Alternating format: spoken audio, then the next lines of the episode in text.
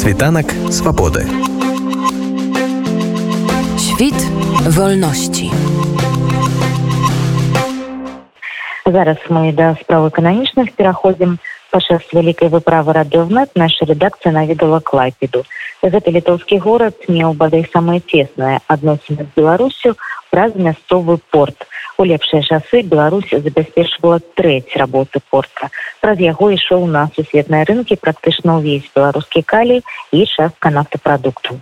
Пасля ўвядзення санкцый літва забараніла транзіт беларускай прадукцыі і прадпрыемства беларусь калій страціла выхад да порту літвы для самого беларусь калія гэта азначае страту шляхоў дастаўкі што ўжо адбілася на яго эканамічным стане а што гэта азначае для порта абмеркавалі журналістам склапіды дзянісам кішынёўскім Здесь нужно подчеркнуть одну важную вещь. Война, безусловно, на грузообороте Клайпецкого порта сказалась, но падение началось до войны, падение началось в январе этого года, и основные потери Клайпецкого порта, критические потери, драматические потери, связаны не столько с Россией и с Украиной, сколько с оттоком белорусского транзита. Напомню, что санкции были введены раньше, это были американские санкции, у Литвы было право имплементировать их или не имплементировать их. Э, Литва решила их имплементировать, поэтому через порт полностью прекратился транзит продукции белорусского каля. Почему это очень важно для Клайпеда? Э, нужно понимать, что 95% продукции государственного предприятия «Беларусь Калий» экспортировалась на мировые рынки через Клайпедский порт. Белорусского каля э, был частично свой терминал, ему принадлежало 30% акций э, терминала навалочных грузов, беру, беру кровеню терминала по-литовски. И этот отток эквивалентен 10-12, э, в лучшие годы 15 миллионам э, тонн грузов. Для Клайпецкого порта, в свою очередь, это ну, порядка 30% годового грузооборота.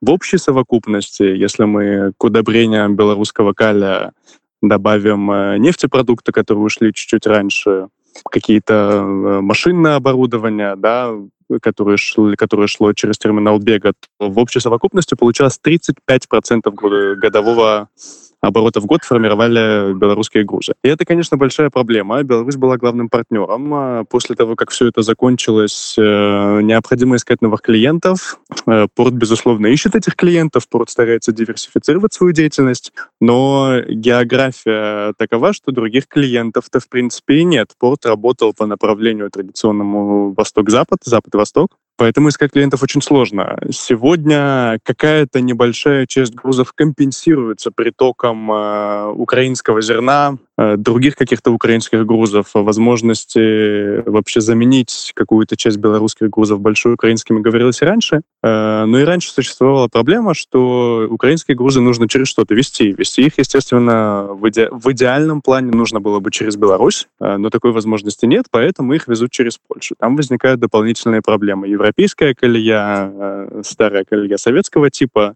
Все это очень сложно, дорого, пропускная способность не та.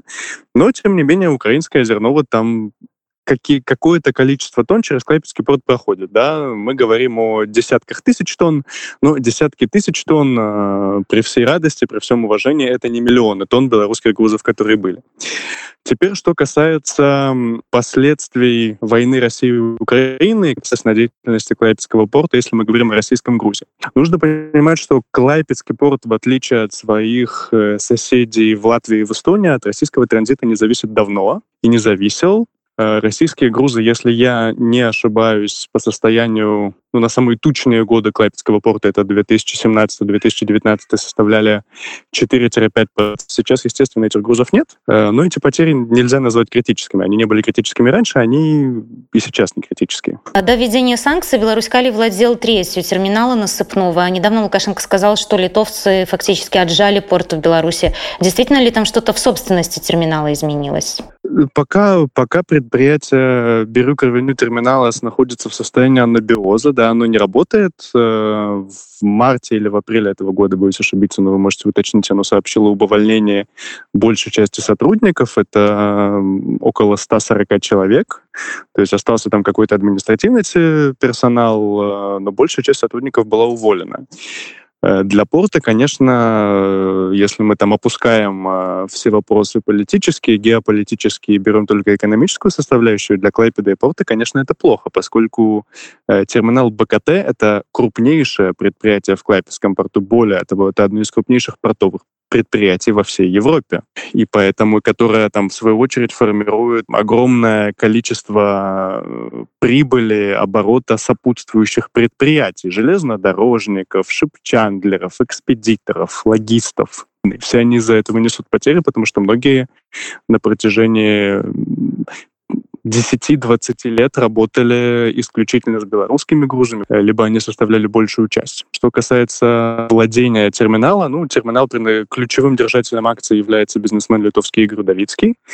Э, насколько я понимаю, терминал по-прежнему ему принадлежит. Э, он не заявлял о том, лишали ли Беларусь какой-то собственности. Как я понимаю, предприятия Беларускали никакой собственности не решали. Ну, поскольку Литва запретила транзит груза через этот терминал Беларускаля, то, конечно, он, по сути, ему не может пользоваться никак. Ситуация с ценой газа она повлияла на развитие Клайпецкого порта? Много было споров в 2013-2014 годах о необходимости такого терминала, поскольку это такая недешевая вещь, но, как показала ситуация, президент Даля Грибускайте оказалась права, и благодаря наличию у Литвы терминала сжиженного природного газа Литва, по сути, стала первой страной в Европе, которая отказалась от российского газа просто потому, что он ей не нужен. Да? Страна действительно от него не зависит, там, в отличие от Германии и Венгрии, поэтому у литовцев в этом смысле развязаны руки. Я не видел статистики относительно вот того, увеличились ли э, поставки,